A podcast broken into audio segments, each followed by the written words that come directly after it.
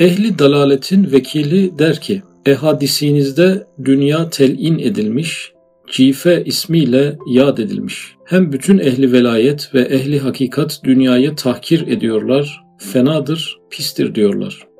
Halbuki sen bütün kemalat-ı ilahiyeye medar ve hüccet onu gösteriyorsun ve aşıkane ondan bahsediyorsun. Yani dalalet e, içindeki insanları temsil eden bazı kişiler oluyor. Yani onların adeta sözcüsü gibi e, karşımıza dikilip e, öyle bir tespitte bulunuyorlar ki aslında bütün inançsız insanların ki fikirlerini adeta e, bir vekil gibi temsil edebiliyorlar. Önemli bir yerden de bir soru sormuş. Hadislerde anlatılan bir dünya var. Cife ismiyle yad edilmiş. Kınanmış bir kirlilik, bir el kiri, bir pislik gibi dünya anlatılıyor bir taraftan. Aynı zamanda bazı veliler bu dünyayı tahkir ediyorlar, aşağılıyorlar. Belki bir lokma bir hırkayla hayatta kalıp gerisini hepsini basite alıyorlar, hafife alıyorlar. Lanetlenmiş bir varlıkmış gibi dünyaya muamele ediyorlar. Dünya sevgisi kınanmış, bütün hataların başıdır denmiş. Düşünün ki öyle ki yaptığımız herhangi bir hatada aslında dünya sevgisinin hatasının bir etkisi var. Önce dünyayı seven diğer hataları daha kolay etmiş oluyor. Fakat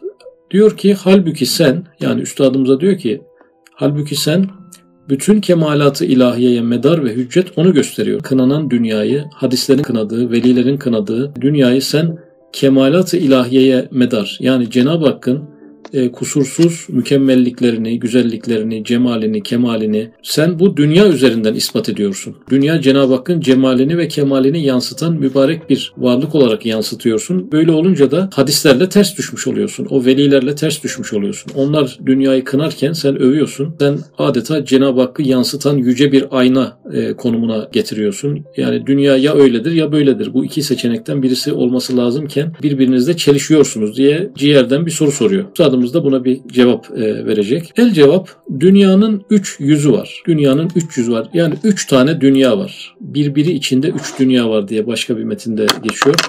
E, tabii dünyanın içindeki her şey içinde bu geçerli olur. Dünyanın içindeki her şeyin üç yüzü var demektir.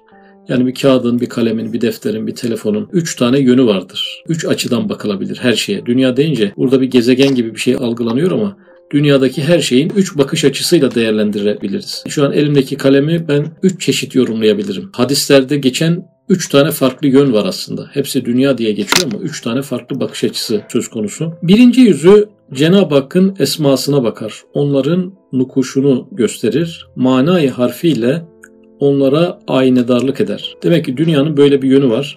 Cenab-ı Hakk'ın esmalarının bir aynası onların nakışlarını gösteriyor. Örnek verelim. Şifa içeren şeyler var dünyada. Cenab-ı Hakk'ın Şafi ismini gösteriyor. E, dünyada bir takım rızıklar var. E, o rızıklarda Rezzak ismini gösteriyor. Eğer rızıklar olmasaydı biz Rezzak ismini tanıyamazdık. Tabiattaki şifalar olmasaydı Şafi ismini tanıyamazdık. Dünyanın böyle bir Cenab-ı Hakk'ın isimlerini yansıtan bir tarafı var. O kınanamaz, tahkir edilemez, aşağılanamaz, sırt çevrilemez bir tarafı var. Dünyanın şu yüzü hadsiz mektubatı samedaniyedir. Her şey bir mektuptur.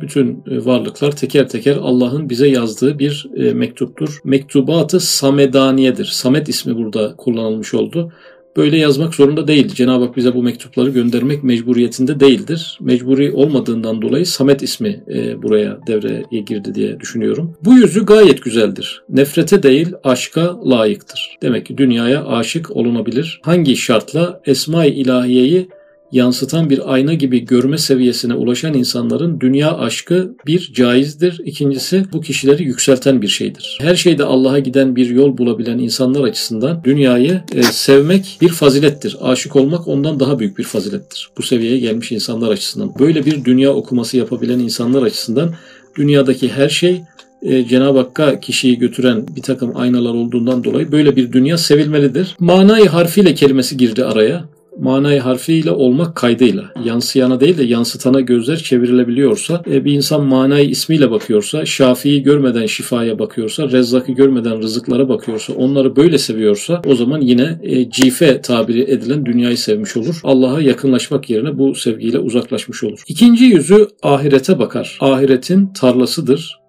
Cennetin mezrasıdır, rahmetin mezheresidir. Şu yüzü dahi evvelki yüzü gibi güzeldir, tahkire değil muhabbete layıktır. Biz burada tohumlar ekiyoruz. Niyetlerimizle, davranışlarımızla, eylemlerimizle bir ekim e, içerisindeyiz ve bu ekim ahirette ağaç olacak, ahirette meyve olacak. Dolayısıyla ahireti biz burayla kazanıyoruz. O tahkir edilen dünyayla kazanıyoruz. Yaptığımız ibadetlerle dünyada biz ahiret kazanıyoruz. Ahiret ahirette kazanılmaz, dünyada kazanılır e, ahiretin tarlası gözüyle bakarak da dünyayı tahkir edemeyiz. Onu da sevmemiz ve hatta aşık olmamız icap eder. Böyle bir sevgi ve aşk yine mahsursuzdur. Ahirete bakan yönüyle dünya çok değerlidir. Aşağı seviyelerde bir e, varlık düzeyine sahip değildir. Üçüncü yüzü insanın hevesatına bakan ve gaflet perdesi olan ve ehli dünyanın melabey hevesatı olan yüzdür.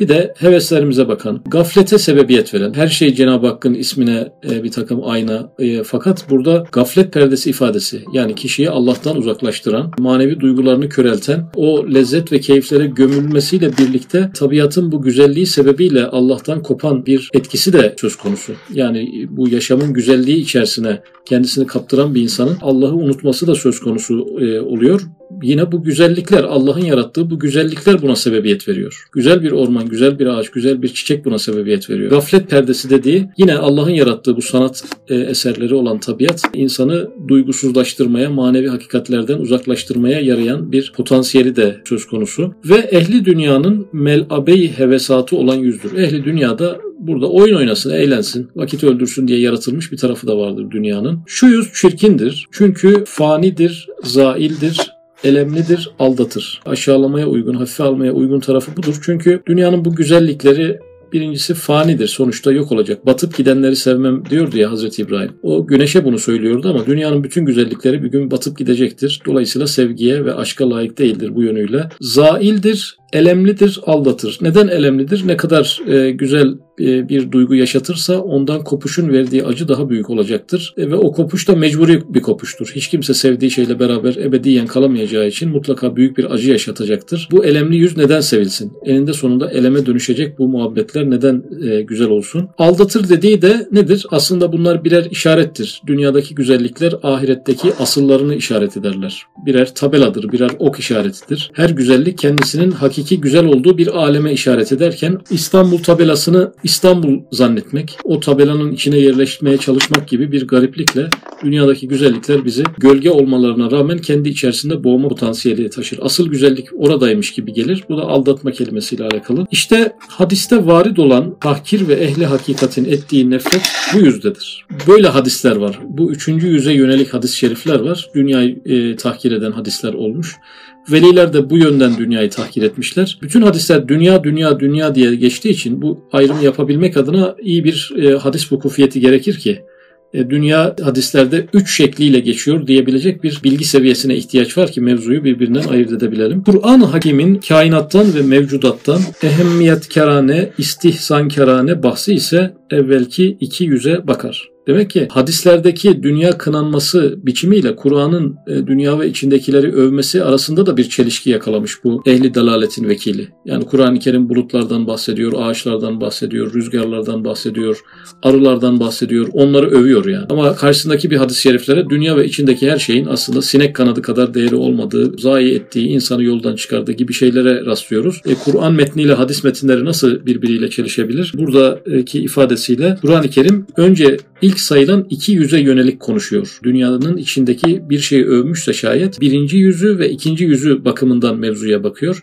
Şayet Kur'an-ı Kerim dünyadaki bir mevzuyu tahkir etmişse o da üçüncü yüze bakan bir tahkir olduğunu ayırt etmek gerekiyor. Sahabelerin ve sair ehlullahın mergup dünyaları evvelki iki yüzdedir. Şimdi burada yine bir çelişki de sahabelerle sair ehlullahın ayrı bir kümesi. Yani diğer ehlullah. Sahabeler dünyaya girmişler, sevmişler, övmüşler, yaşamışlar, dünyanın içindeki lezzetlerden tatmışlar. Helal dairesi olmak kaydıyla dünyanın her güzelliğiyle muhatap olmuşlar. Sahabeler böyleyken de X tarikatının Y kolu e, bütün dünyayı elinin tersiyle itip bütün güzelliklere karşı bir refleks uyandırması nasıl olabilir? Yani o veliler nasıl dünyadan bu kadar nefret ederken sahabe dünyayla nasıl bu kadar ilgi ve alaka gösteriyordu?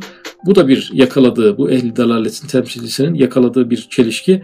Üstad Hazretlerine göre de sahabelerin rağbet ettiği dünya dünyanın birinci yüzü ve dünyanın ikinci yüzü. Kaçındıkları dünyada dünyanın üçüncü yüzü. Dolayısıyla bu ayrım e, yapılamadığı zaman birçok e, birbiriyle çelişen metin ortaya çıkarılabilir. Şimdi dünyayı tahkir edenler dört sınıftır. Dünyayı tahkir edenlere geldik. Tahkir etmeyenleri geçiyor. Birinci yüzü ve ikinci yüzü sevgiye layık olan kısmını geçiyoruz. Ama üçüncü yüzde dünyanın tahkire layık bir tarafı varken o da dörde ayrılacak. Dört e, bölüme ayrılacak. Dünyayı tahkir edenler dört sınıftır. Birincisi ehli marifettir ki Cenab-ı Hakk'ın marifetine ve muhabbet ve ibadetine set çektiği için tahkir eder. Yani marifet deyince aklımıza arifler gelmeli. Arifler Cenab-ı Hakk'ı biliyorlar. Cenab-ı Hakk'ı bilme seviyesinde terakki ediyorlar. Dolayısıyla Cenab-ı Hakk'ın bilgisine engel olan bir dünya sevgisi, Cenab-ı Hakk'ın muhabbetine engel olan bir dünya muhabbeti, ve insanın ibadetlerine ne engel olan ve oradaki duyguyu bozan bir dünya sevgisi. Bundan e, çekindiklerinden dolayı dünyayı tahkir etmişler, aşağılamışlar, hor görmüşler. Neden ibadetime mani olmasın, Cenab-ı Hakk'ı bilme tarzıma mani olmasın, dünyanın içerisine girmemişler. E, ehli vahdetel şuhut mesleğinde olduğu gibi dünya var ama bir karışmamışlar, dışında kalmaya çalışmışlar. Konsantrasyonunu bozmasın, huzur duygusunu bozmasın diye dünyanın e, güzelliklerinden kaçmışlar. E, onu onları Allah'tan uzaklaştırmasın diye böyle yapmışlar. Bu yine makbul bir tahkir. Böyle tahkirin caiz olduğunu söyleyecek paragrafın sonunda. İkincisi ehli ahirettir ki ya dünyanın zaruri işleri onları ameli uhreviden men ettiği için veyahut şuhut derecesinde iman ile cennetin kemalat ve mehasinine nispeten dünyayı çirkin görür. Bunlar da dünyayı çirkin görüyor ama iki seçenek var. Birisi ahiretin tarlasıydı ya dünya. Yani bu tarlayı ekip biçmemize engel olan, ibadet performanslarımızı düşüren, hasenat kazanmamızı zayıflatan bir yönü olduğu için dünyayı tahkir edenler var. Bir de ahireti de pek düşünmeden ama cenneti şuhut derecesinde görmüşler. Yani cenneti kalben hissediyorlar nasıl bir yer olduğunu. Dünya bu sefer gerçekten çirkin duruma düşüyor. Yani cennetin yanına konulduğu için çok çirkin duruma düşüyor. Bunlar kendilerini dünyayı hor göreyim diye zorlamıyorlar zaten. O cennet duyguları o kadar baskın geliyor ki dünya hor ve hakir kalıyor zaten. Yani bir yoruma muhtaç kalmaksızın dünyanın çirkinliği ortaya e, çıkıyor. Ama dünya bu kadar da mı çirkin? Tiksinip hor görülecek kadar çirkin mi cennet duygularının yanında? Bu nasıl olabilir?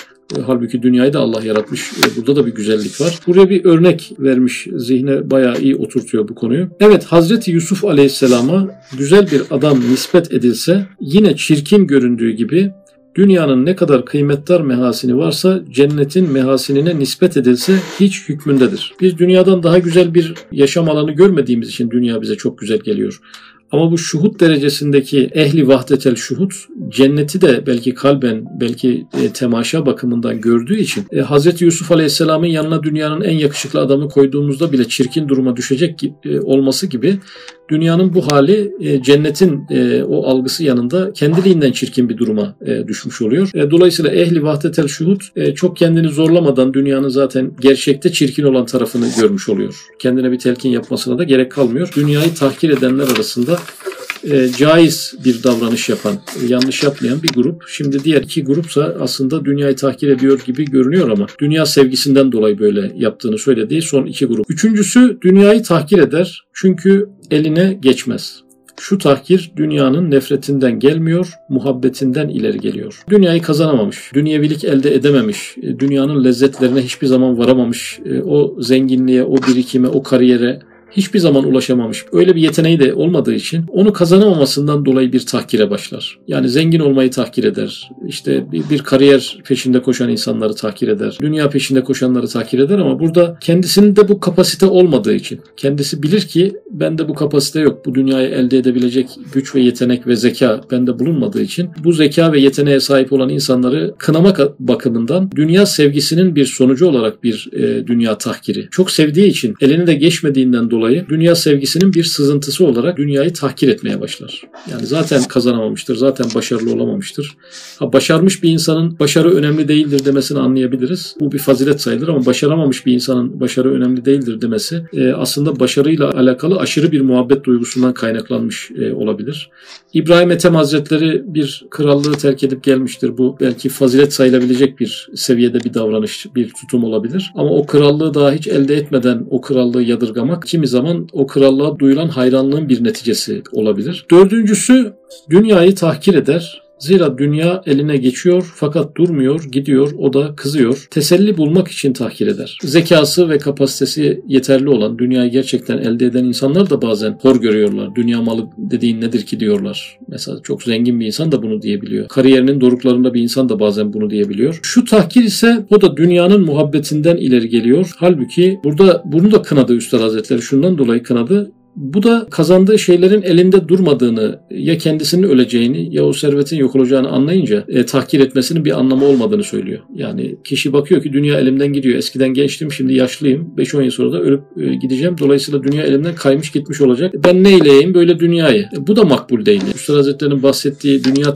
terki dünya kategorisine giren şeyler değil. Bunlar biraz mecburiyetten olan şeyler. Şu tahkir ise o da dünyanın muhabbetinden ileri geliyor. Halbuki Makbul tahkir odur ki hubbu ahiretten ve marifetullahın muhabbetinden ileri gelir. Dünyayı tahkir etmenin makbul olmayanı bir takım psikolojik komplekslerden dolayı ise makbul değildir. Fakat ahiret sevgisinden ve Allah sevgisinden ötürü dünyanın tahkir edilmesi makbul bir tahkirdir. O yüzden dünyayı terk eden insanlar arasında dünya sevgisinden dolayı bunu yapan insanlar da olabildiğini burada fark etmiş olduk. Demek makbul e, tahkir evvelki iki kısımdır. Cenab-ı Hak bizi onlardan yapsın. Yani burada şöyle bir telkin verebilirdi.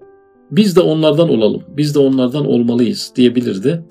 Fakat Cenab-ı Hak bizi onlardan yapsın. Demek ki bu ilahi bir lütuf. E, gayrete, çabaya vabeste bir kısmından ziyade Allah'ın bir vergisi yani. Ancak duayla, e, tevbe ve istiğfarla kazanabilecek mertebeler bunlar. Yoksa ben de dünyayı terk edeceğim, ben de önemsemeyeceğim, makbul olan tahkiri ben de yapacağım demekle e, bir kararlılıkla olmayacağını hissediyorum bu cümleden. Cenab-ı Hak bizi onlardan yapsın. Ahiret işlerimizden alıkoyan dünyevi güzellikleri ve kazanımları tahkir etmeyi başaralım. Ahiretimize engel olan dünyevi güzellikleri tahkir etmeyi, onları hafife almayı başaralım veya marifetullah'a ve muhabbetullah'a engel olan, ibadetlerimize engel olan, set çeken e, dünyevi güzellikler helal dairesinde bile olsa onları tahkir edelim, onları kınayalım, onları hafife alalım, onlarla baş etmeyi bilelim. Bizi onlardan yapsın dediği grup, onlardan dediği grup bu.